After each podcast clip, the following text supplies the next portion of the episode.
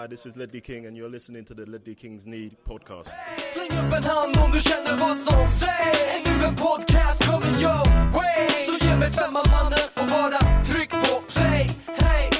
Ja, ni lyssnar på Ledley Kings knä efter 6-0 i röven mot Manchester City. Men eh, som tur är, om ni har följt oss på Twitter den här veckan så ser ni att vi var i Stockholm och träffade Erik Niva. Så av förståeliga skäl så kommer det här avsnittet handla mer om den intervjun än av vad vi precis genomlevde tillsammans. Så fortsätt lyssna.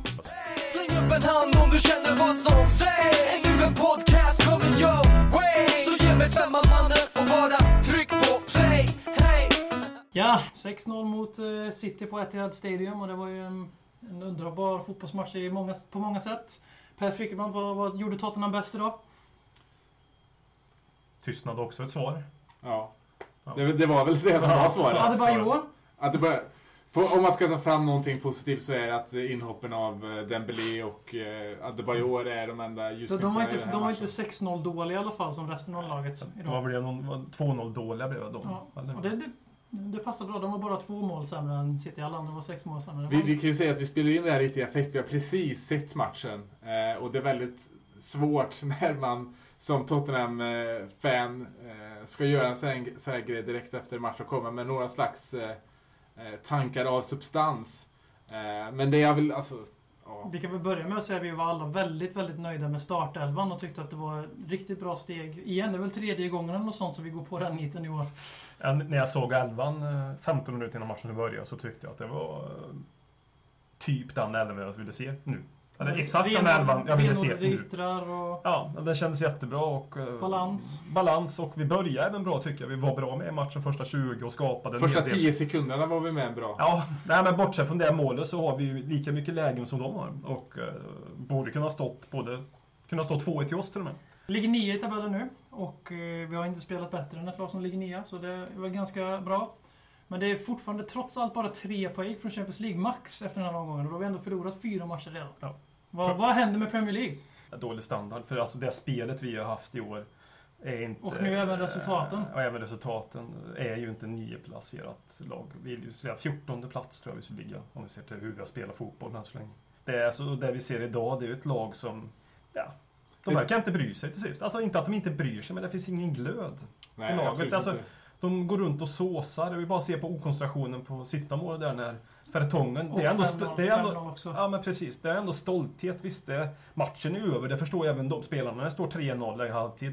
Men man måste ju ändå gå in och ha lite stolthet för eh, klubben man spelar Spela för. för klubbmärket. Exakt, liksom. så det inte blir en sån här förnedrande tennismatch. Liksom. Och då vill, jag, ja, då vill jag gärna dela ut en känga också till Michael Dawson som är kaptenen och som ska också visa vägen när det gäller det här. Vi, vi pratade ju på det här när vi hade gjort alla värvningar om hur många kaptener vi hade värvat till Mm. laget. Men vi ser att vi har värvat, vi har i princip ett lag fyllt av bara kaptener. kaptener ja. Men vi har inte en enda ledare. Vi har ingen verbal kapten på planen känns det som. Och, på tal om det så tycker jag att allt summeras av ansiktsuttrycket på André Villas-Boas efter matchen som dels är förnedrat men också en känsla av vad fan gör jag nu? Det känns som man... Han, är det han som inte är den klockrena ledaren? Alltså, det är ju lätt, det är lätt att det är säga lätt att nu. skylla på honom ja, men Michael Dawson har varit lagkapten under flera människor så det, han, vi har alltid haft de här problemen. Alltid blivit överkörda när vi släpper in tidiga mål. Vi har alltid varit riktigt mentalt eh, fragila. Och det är definitivt ingenting vi har blivit. Det är snarare tvärtom under AVB. Om man bortser från den här pinsamma matchen så har vi däremot blivit bättre under AVB att vinna matcher som vi börjar starta. Vi har, blivit, har visat lite mer jävlar namn och blivit cyniska. Och Michael Dawson, ja, han är väl inne på sin fjärde manager som han är kapten för eller något sånt där. Så om AVB ska få skulden för att vi inte har några ledaregenskaper på plan så får vi också bara kasta skopor på alla andra som ansett att Michael Dawson är en bra ledare.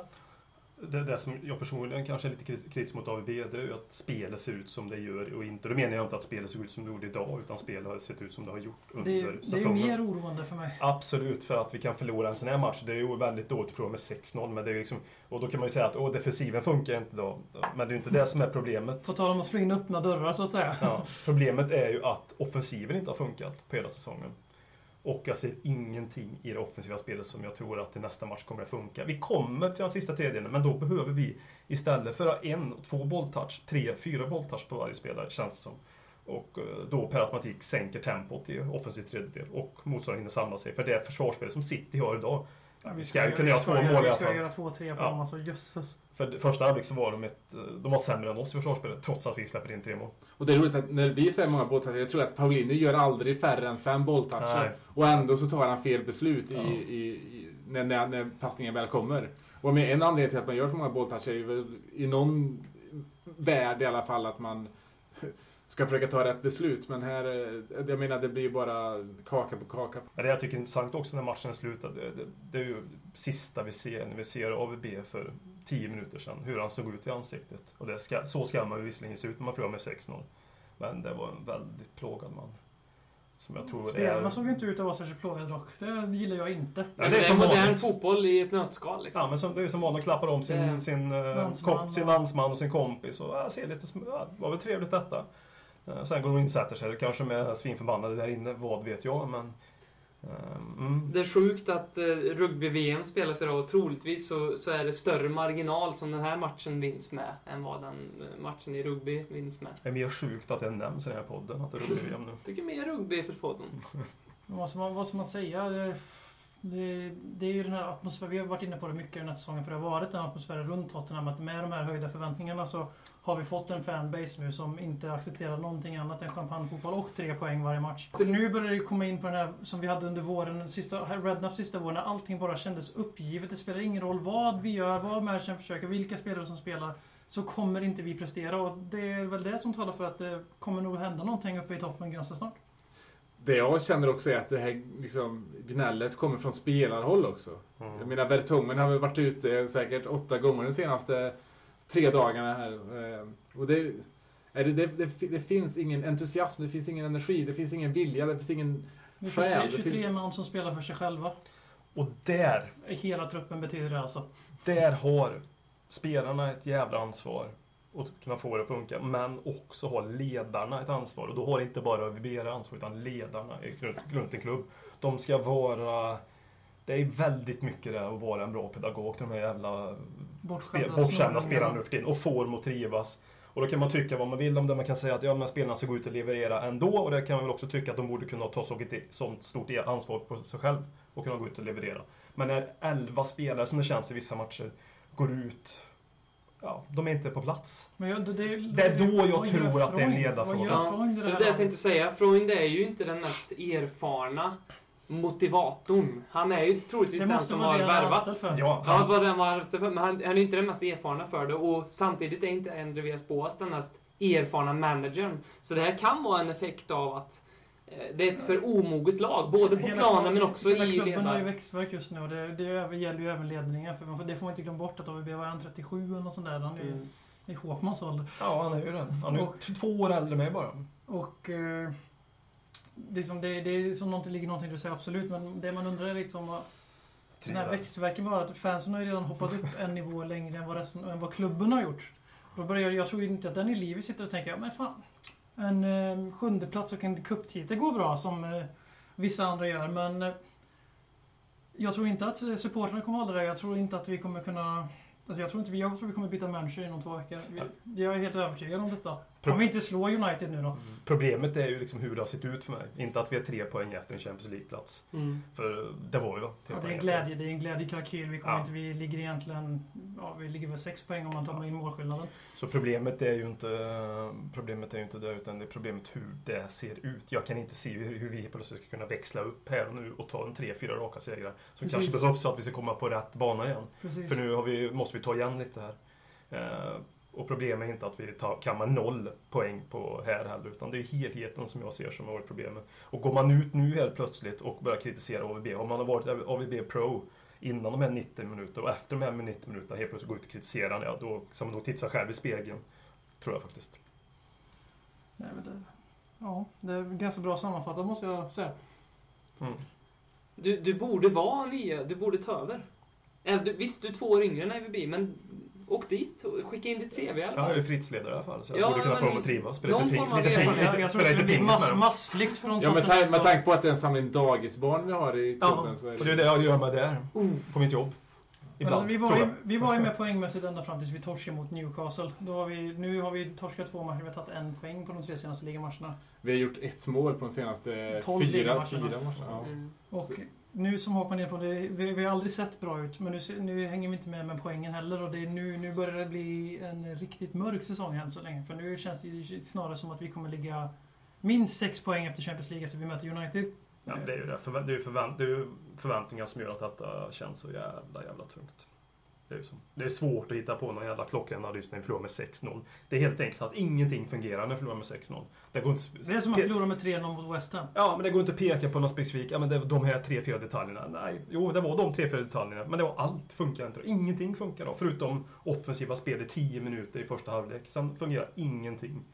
Så det kan man väl sammanfatta med. Ingenting funkar. Jag tycker vi går vidare. Så vi kan prata om Manchester United och bli fortsatt deprimerade.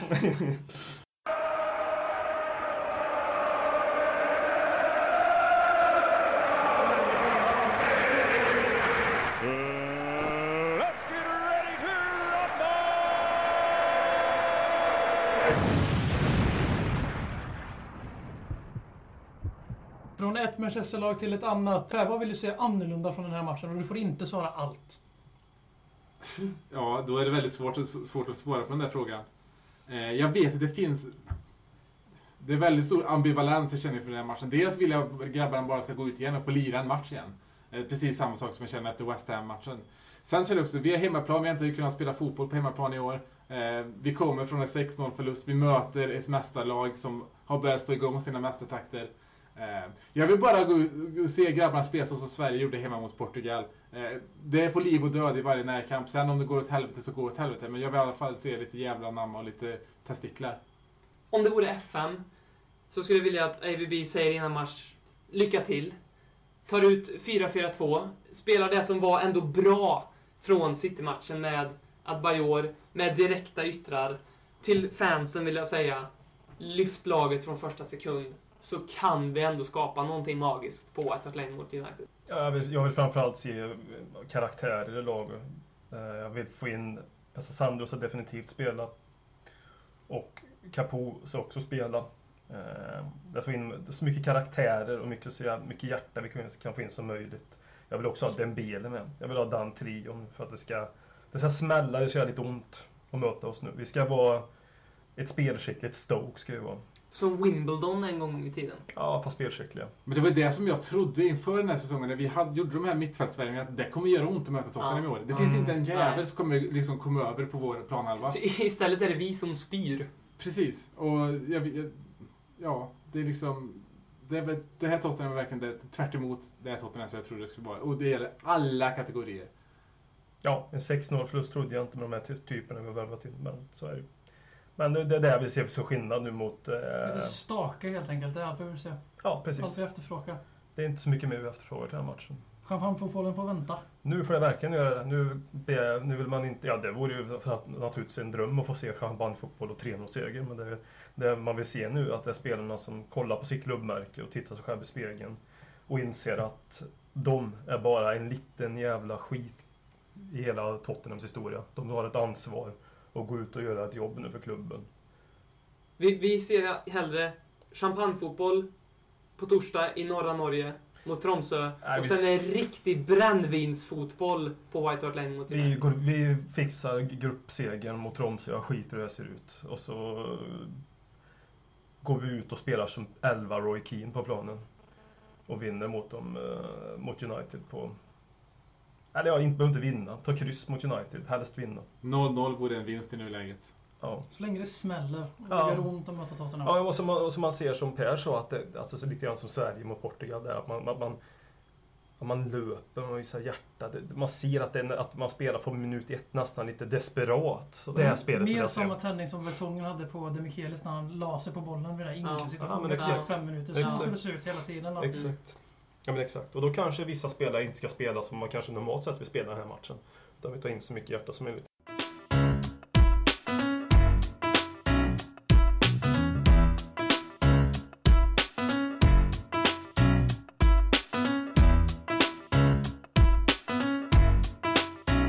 Då har vi kommit fram till den delen av programmet som handlar om att vi svarar på era frågor.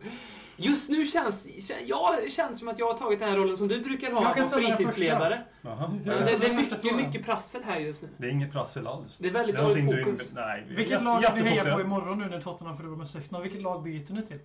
Det är min första lyssnarfråga. Mm. Jag hade tänkt att säga Roma. Real Madrid. Vilka har gjort mest poäng? Vilka har tagit mest poäng i de europeiska ligorna? De är jag på. Bayern München. Ja, heja Bayern München. Ja. Real Madrid. Hur som helst. Mm. Första frågan kommer från Wally, skapare av den legendariska Lelle Kings knäloggan. Från Eskilstuna också. Mm. Eh, inte för att det har någon relevans överhuvudtaget, men det är det fall. Vilket yrke skulle spelarna ha om de inte var fotbollsspelare? Vi väljer ut tre spelare att besvara. För Ja, ni, ni får välja en, en var här nu. Valfri. Jag Jag säger arbetslös förutom Loris. Ja, eh, BM. Kyle Walker, nattvakts, eh, nattklubbsvakt. Är han tillräckligt intelligent för det? Ja, Han är biffig nog tror jag. Jag tror det tar väldigt lång tid för honom då att kolla på ett lägg och kolla om är han verkligen över 20. Det skulle ta för lång tid tror jag. Arbetslös. Kyle Walker, Fånge. Jag tycker det summerar In the system! Det är nämligen ett väldigt fint yrke att vara fånge. Det, det är, eh, David Selin ska få lite... Vi skrattade åt hans fråga, men vi tydligen felciterade den i förra avsnittet. Så frågan, med räven. Ja, egentligen var det om Sandro var lika liten så han kunde rida på en räv skulle han sluta med fotboll då. Eh, men vi, jag läste upp den fel i förra avsnittet. Väldigt fel i så fall. Det Var vi klara med... Han skulle Målig. definitivt Ja. göra det. Var vi. Det var tre spelare som vi tog, sa du? Vi tog en. Ja, vi tog Walker, men det, jag tyckte Pers svar var liksom, det är svårt att trumfa det. Det är ungefär som att Ja, ja, ja. gå upp på scen efter Gyllene Tider. Det, liksom, det går inte att bli bättre. Driver du med mig just nu? Ja, det gör det. Ja, fy fan. Robert Folin ställer frågan, vilka i dagens lag passar bäst snedstreck sämst in i Bill Nicks fotbollsideologi? Ja, bäst är ju Benny. Det sa vi redan förra veckan. Ehm, han eh, älskar klubben. Um, även fast han inte är så bra. Men han, han, han gör det i alla fall. Han, han har hjärtat i Tottenham. Och det uppskattar jag, det uppskattar Bill. Vad ska jag säga? Efter 6-0 i röven där ingen spelare visade ens ett uns och stolt över att spela i Tottenham Hotspur så det är svårt att välja någon som är i klubben just nu. Så jag säger också Benny, för han är inte där just nu, även om jag inte tycker det egentligen. Anledningen till att jag inte säger Benny är för att Bill Nicholson aldrig skulle släppa in han, hans hår. Eh, Så därför väljer jag istället Kyle Walker som har minst hår på huvudet. Mm. Jag säger Michael Dawson. För att han är den här minst... Han är ingen diva. Han är kanske inte bra, men ingen diva. Han är lojal med klubben. Han har en nordkoreansk frisyr. Eh, Ja, Och han brukade ju faktiskt skälla ut sina lagkamrater för några Ja. säsonger sedan. jag tror Michael Dawson. Och de sämst lämpade är väl de 20 andra spelarna i truppen. Adebayor är sämst lämpad. Ja, faktiskt. faktiskt. Fortsätt att skicka in era frågor och fortsätt även ta foton på er själva när ni gör spursiga saker och använd hashtaggen showyourspurs. Ja, men eh, vi har ju en liten bit kvar här så jag tycker vi avslutar med del 1 av 2 med våran intervju med Erik Niva, den kände Spurs-legenden här i Sverige. Enjoy!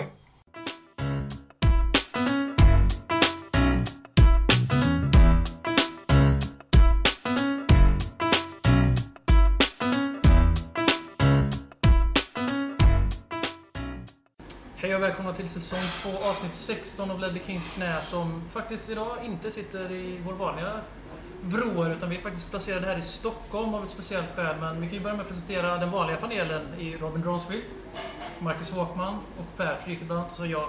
Men vi har också en speciell gäst här idag som jag hoppas att ni kommer uppskatta och eh, du, kan du kan väl presentera dig själv, Mr Niva. Ja, precis. Jag heter Erik Niva och jag bor här numera. Och därför sänds eh, denna podcast från Lundbergs konditori i Gröndal i Stockholms, jag ska inte säga utkanter, men strax utanför tullarna. Eh, Så så är det med den saken. Du, du outade precis ditt häng här nu så det kommer bli Niva-fansen kommer vallfärda hit. Autografjägarna. Alltså. Ja, det kommer märka sig. Det är stark och tydlig effekt, det är jag helt övertygad om. Kan vi börja, vi tänkte vi mjukstarta lite för vi går in på lite tungare fotbollssurr är våran förhoppning. Så vi kan tänka att du kunde få förklara hur det blev Spurs för dig om du har lust. Absolut. Eh, det är väl en historia som jag återkommer själv ibland i mitt ständigt pågående sorgarbete.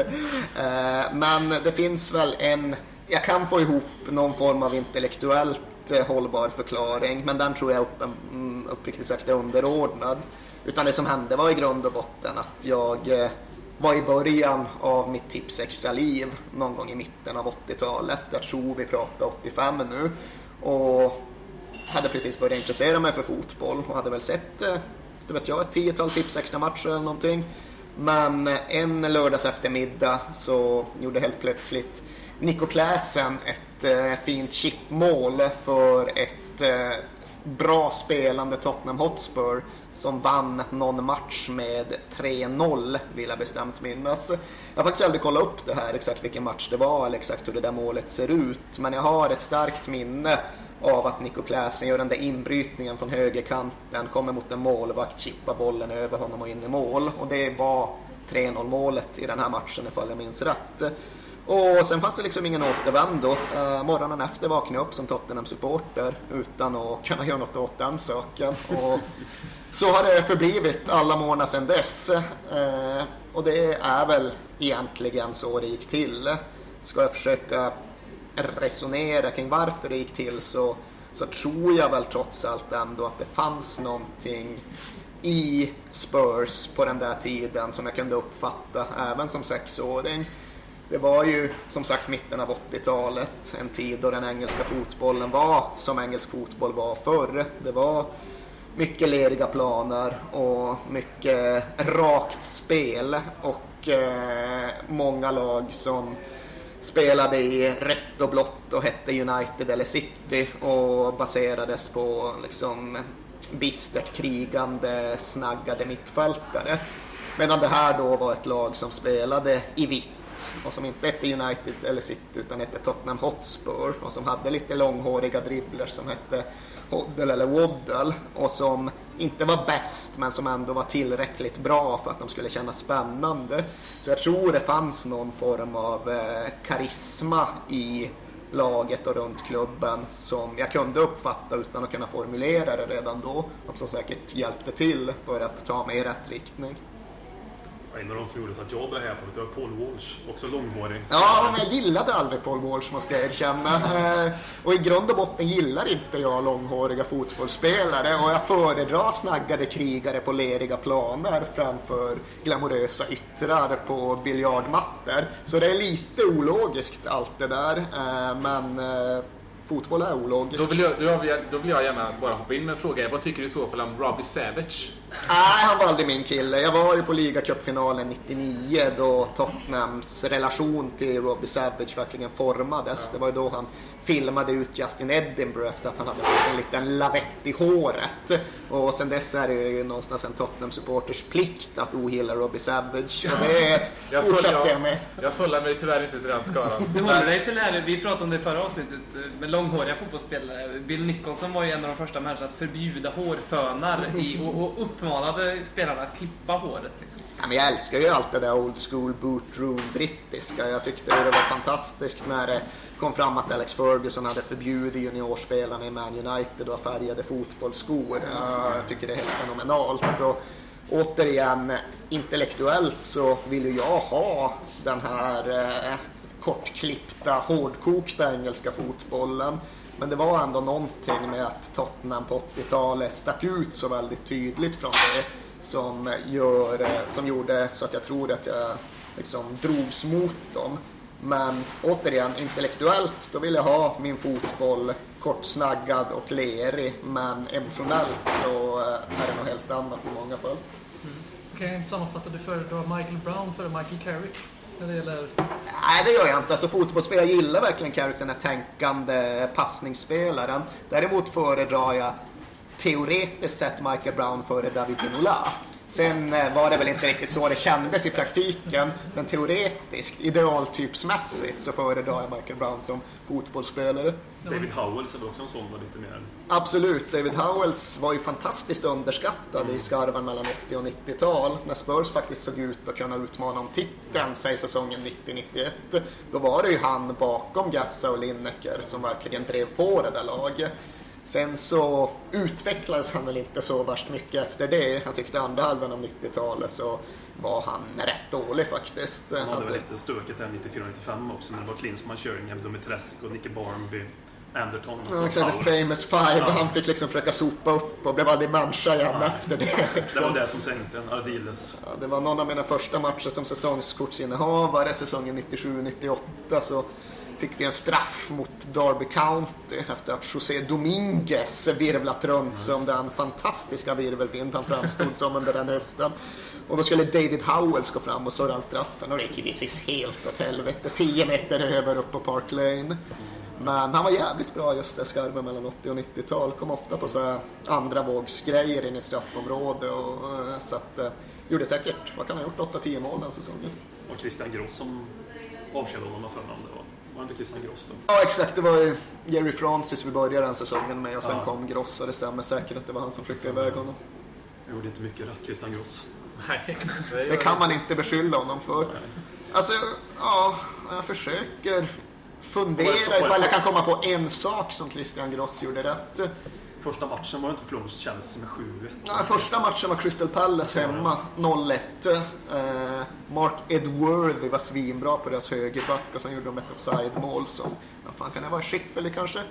Eh, Darren Anderton gjorde någon av sina väldigt många comebacker vill jag minnas. Eh, men det var första matchen och sen som sagt, verkligen anstränga mig att försöka tänka någonting som Christian Gross gjorde rätt.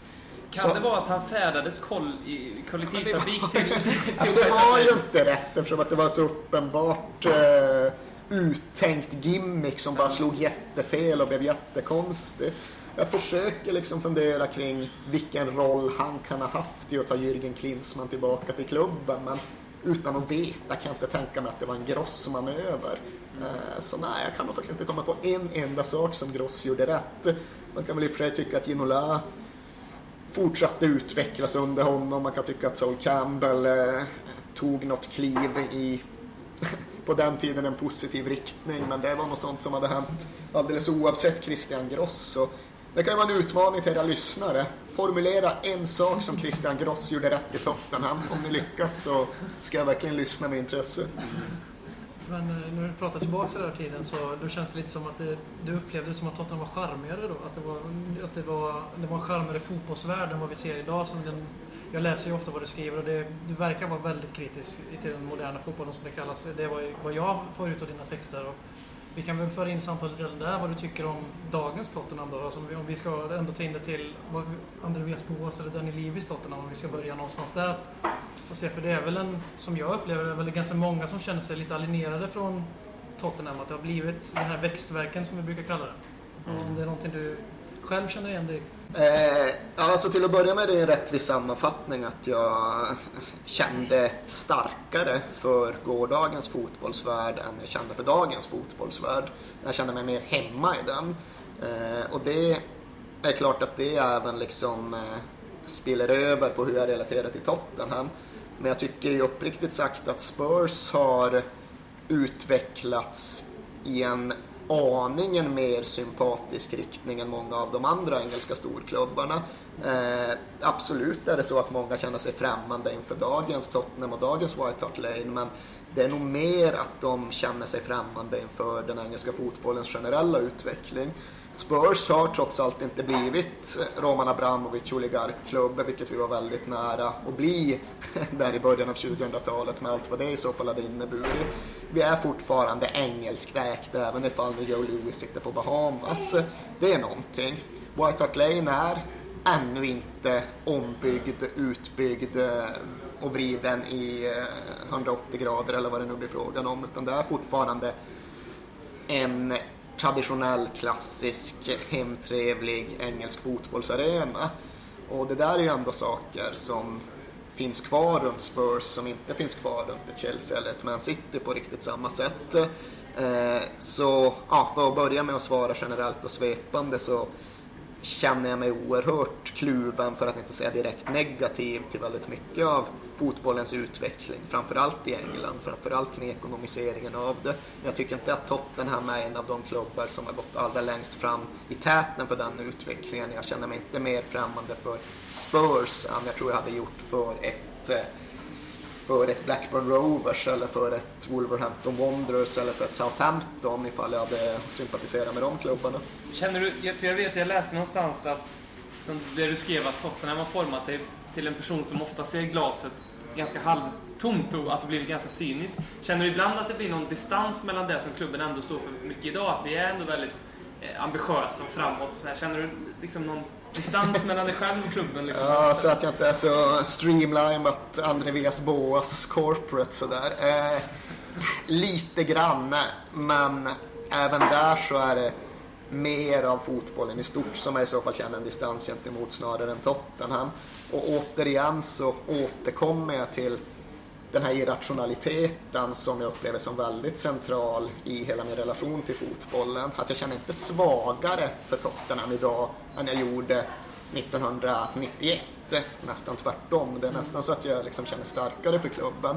Däremot så kan jag ju inte med någon form av bibehållen självaktning och någon form av rationalitet intakt hävda att jag kan liksom relatera till klubbens identitet på något eh, genomgående sätt. Jag kan inte säga att jag liksom sympatiserar med några värden som skulle vara unika för oss. Liksom. Det är ju numera så att egentligen alla Premier League-klubbar fungerar på i stort sett samma sätt utifrån rätt mycket samma premisser och man lurar sig själv ifall man försöker inbilla sig att ens egen klubb på något sätt skulle stå för andra saker eller sträva åt andra håll än de andra.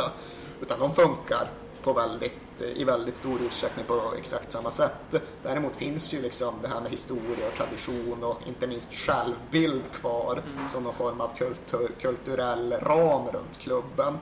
Eh, Men även där bottnar ju en irrationalitet som alltid har funnits där. Tottenham har ju alltid varit den här liksom eh, bortskämda klubben som inbillar sig att vi minsann förtjänar mer än vi får. Vi är fotbollsaristokraterna som eh, har vårat, eh, våran gudagivna rätt att eh, tillbaks till dubben 61 och vänta sig något liknande igen.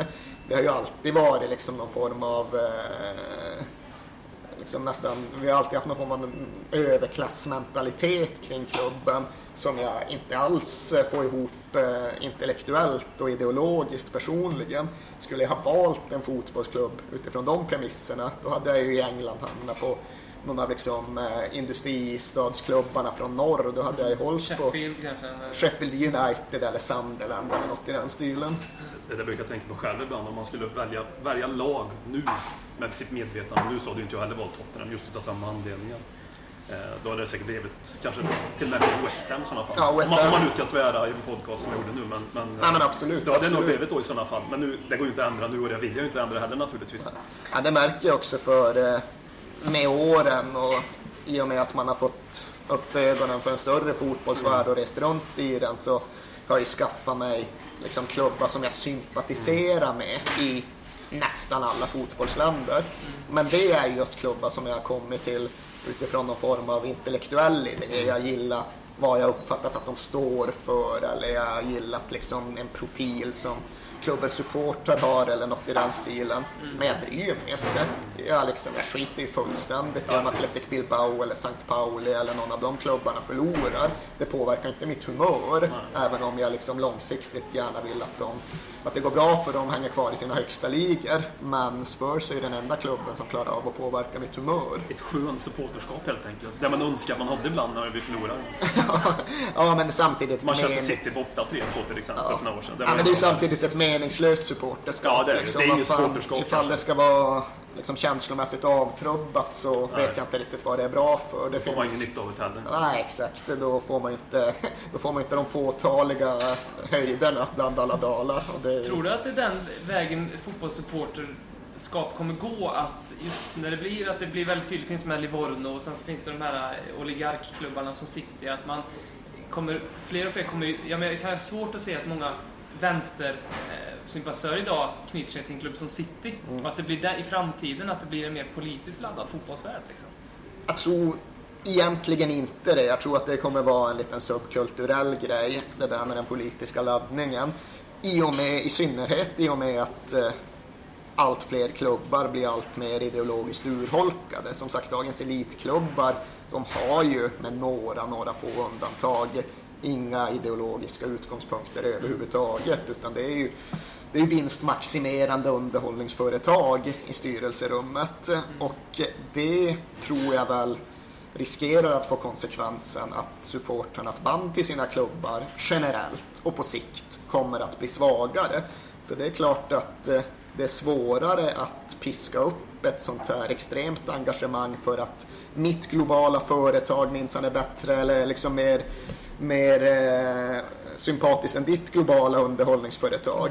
Liksom en gång i tiden så fanns ju den här regionala identiteten och förankringen på ett helt annat sätt än det kommer göra framöver. Och när det blir en fotbollsvärld som egentligen bara går ut på framgång, både på planen och i resultaträkningen, så kan man ju definitivt ställa sig frågan varför någon ska hålla på några andra än de allra mest framgångsrika klubbarna framöver. Tidigare höll man på Coventry City om man kom från Coventry och man höll på Örebro SK om man kom från Örebro i väldigt hög utsträckning. Framöver så befarar jag ju att det där med Manchester United och Milan och Barcelona-tröjor blir betydligt vanligare både i Coventry och Örebro. Jag, ser, jag jobbar ju som fritidsledare och det ser jag bland, bland kidsen. Liksom. Det, det finns tre lag de höjer på. Det är Barcelona, det är Real och så är det den klubben Zlatan spelar i. Och när vi kör sådana här Fifa-turneringar som har varit där så får de inte vara något av de lagen. Det är sådana, jag bojkottar de lagen. Det- De får de inte välja. Utan jag brukar köra, de får välja Livorno, San Paolo, de får välja Boca Juniors, Sheffield United, de där klubbarna istället. För, Ja, men sen är det ju också märkligt hela den där diskussionen som någonstans eh, Framförallt är det ju folk som är ganska mycket utomstående som inte förstår sig på hur man kan hålla på en sämre klubb eftersom att de inbillar sig att supporterskap någonstans är knutet till resultat, att man håller på de som är bäst. Och det tror jag riskerar att bli en en grej som blir ännu tydligare framöver. Det är klart att det alltid har funnits inslag av det. Vi pratade tidigare innan, eh, innan mikrofonen slogs på om hur vanligt det är med Liverpool-supportrar i vår Tipsextra-generation och det är klart att det har en relation till deras framgångar under 80-talet. Men jag upplever att det där blir ännu mycket mer tydligt nu och kommer bli ännu mer så framöver. Att om nu alla klubbar bara bryr sig om resultat då finns väl definitivt risken att alla supportrar kommer börja bry sig om resultat i ännu högre utsträckning och till slut står man där med en fotbollsvärld där resultat är det enda som räknas och de största är de enda som i så fall har betydelse. för det är bara att se vad de har för inställning på Uefa-cupen nu. Den är ju inte heller prioriterad på något sätt längre. Nej. Den ser de ju inte. Det är ju, det är ju som bland de som håller på de här större lagen så ses det som en pajasturnering nästan. Som eh, Europa, eller inte det, eh, vinterturneringen vi hade i Sverige.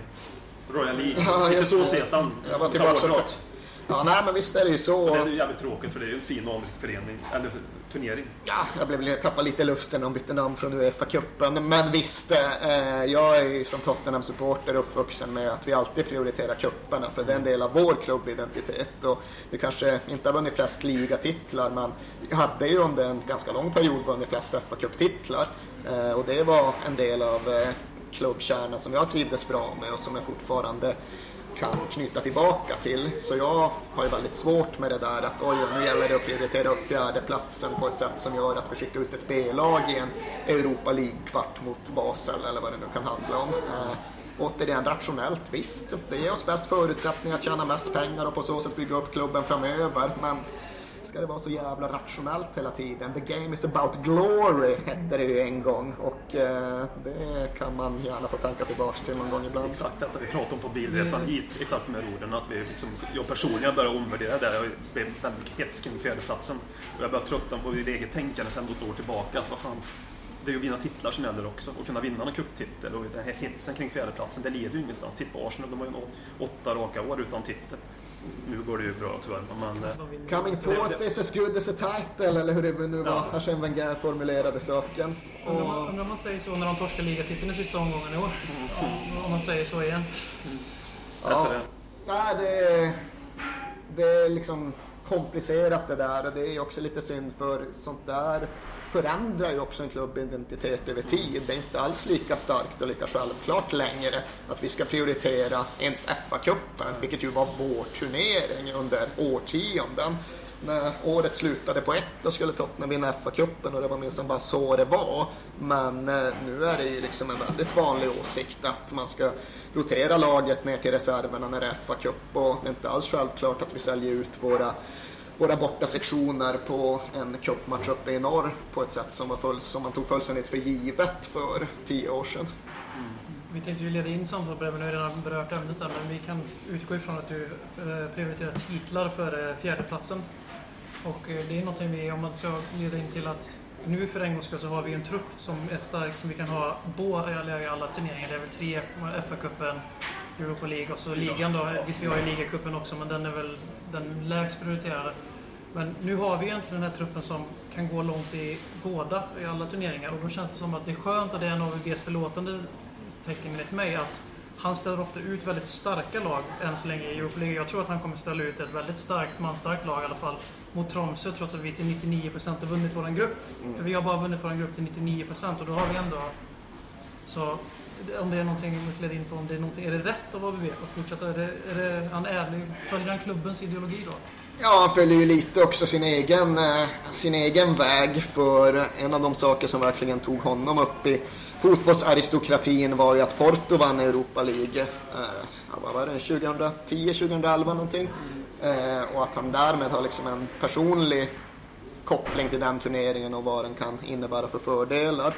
Eh, sen är det som du säger att i teorin så har vi ju nu en så bred och så stark trupp att vi ska kunna utmana på flera fronter. Jag är väl inte helt övertygad om att det kommer visa sig vara så i praktiken när matcherna börjar bli många i mars, ifall det blir så.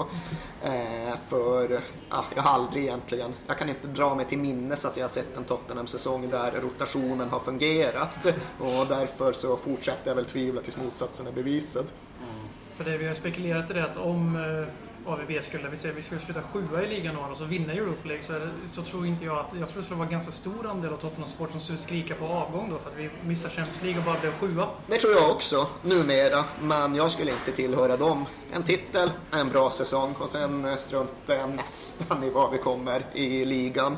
Men eh, kruxet är ju att det inte bara supportrarna som använder din, eh, det resonemang du redogör för. Utan jag är ganska övertygad om att klubbhierarki med Daniel Levy etc. skulle värdera den där fjärdeplatsen högre än en ligacup eller en Europa League-titel. Så är det här lite också kanske ett resultat av den här ekonomiseringen av fotbollen? Att det liksom inte längre är titlarna tack vare det? Absolut, absolut. Eftersom att titlarna ger inga pengar.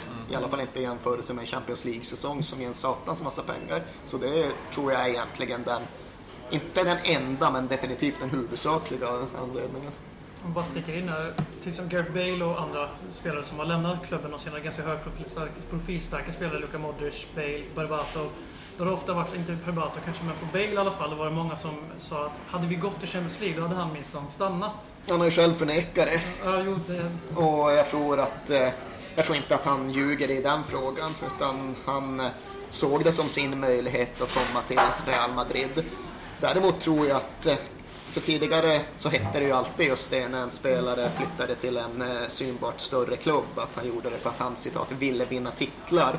Det resonemanget tror jag kommer bli eh, mindre och mindre giltigt framöver. Däremot så kommer det bli liksom fler och fler som flyttar till klubbar som eh, förväntas garantera dem Champions League-spel, Champions League-exponering. För det är ju också en obönhörlig konsekvens av den här utvecklingen som vi nu diskuterar. Att allt strålkastarljus hamnar på Champions League. Europa League drunknar, Serie A, La Liga, Bundesliga drunknar. I någon mån drunknar faktiskt till och med Premier League i det där skenet som är så starkt kring Champions League-matcherna. Och ska vi gå upp riktigt långt framåt i tiden och börja fundera kring en europeisk superliga så är det klart att samma typ av mekanik kommer bli ännu mycket starkare. Antingen är man där eller så är man ingenstans så kommer alldeles för många spelare resonera.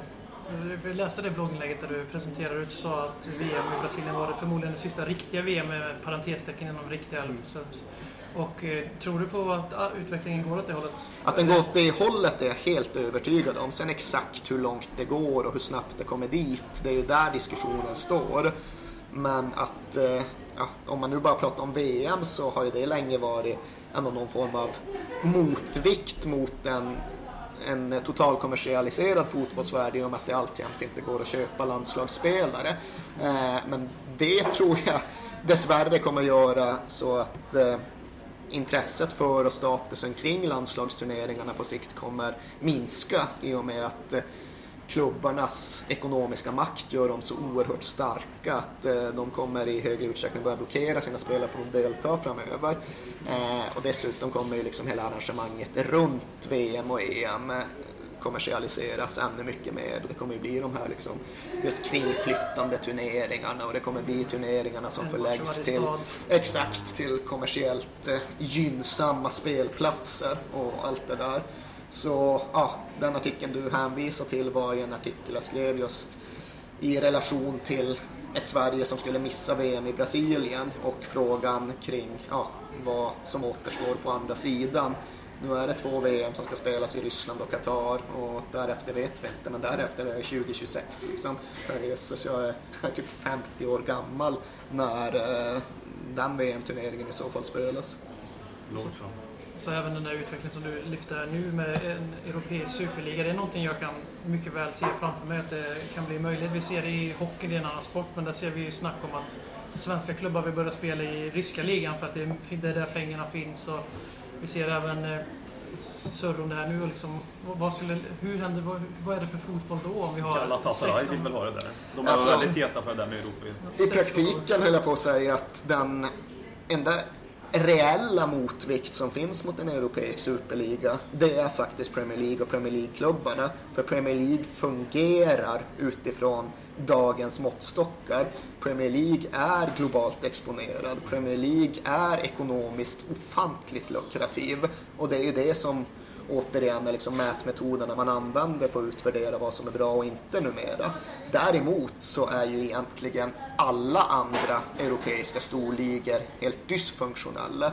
La Liga, alltså du liksom, sätt dig själv in i situationen att du är Barcelona-supporter, du har säsongskort på Camp Nou. Hade man ens pallat att gå ner dit en söndagkväll när Racing Santander kommer på besök? Blir det 4, blir det 5-0?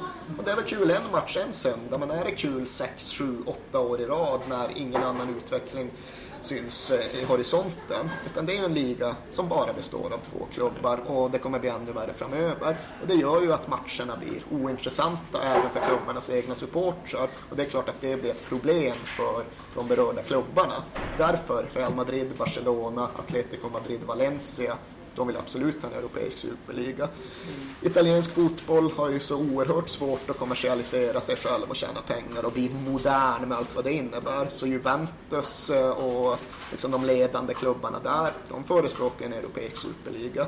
Den tyska fotbollen som man så länge har sett upp så mycket till har ju bara på några få år rört sig i en riktning där det kanske är fråga om en tvåklubbsliga, men i uppriktighetens namn kanske snarare är fråga om en enklubbsliga. För Bayern München är helt överlägsna både på och utanför plan. Ser man på Lewandowski-såpan om inte annat, att, eh, och Götze för den delen, men att Lewandowski är beredd att gå som free agent till att byta till ett lag som ja, ligger marginellt högre upp. Om man kollar de titlar senaste åren så ligger de ju lika nu, även om man kanske ska värdera en europeisk titel lite högre.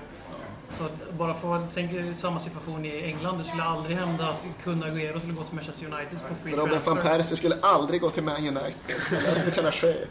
Nej men... eh, Det, det, var större, det var större glapp där mellan United och Arsenal. Stor klapp. Ja.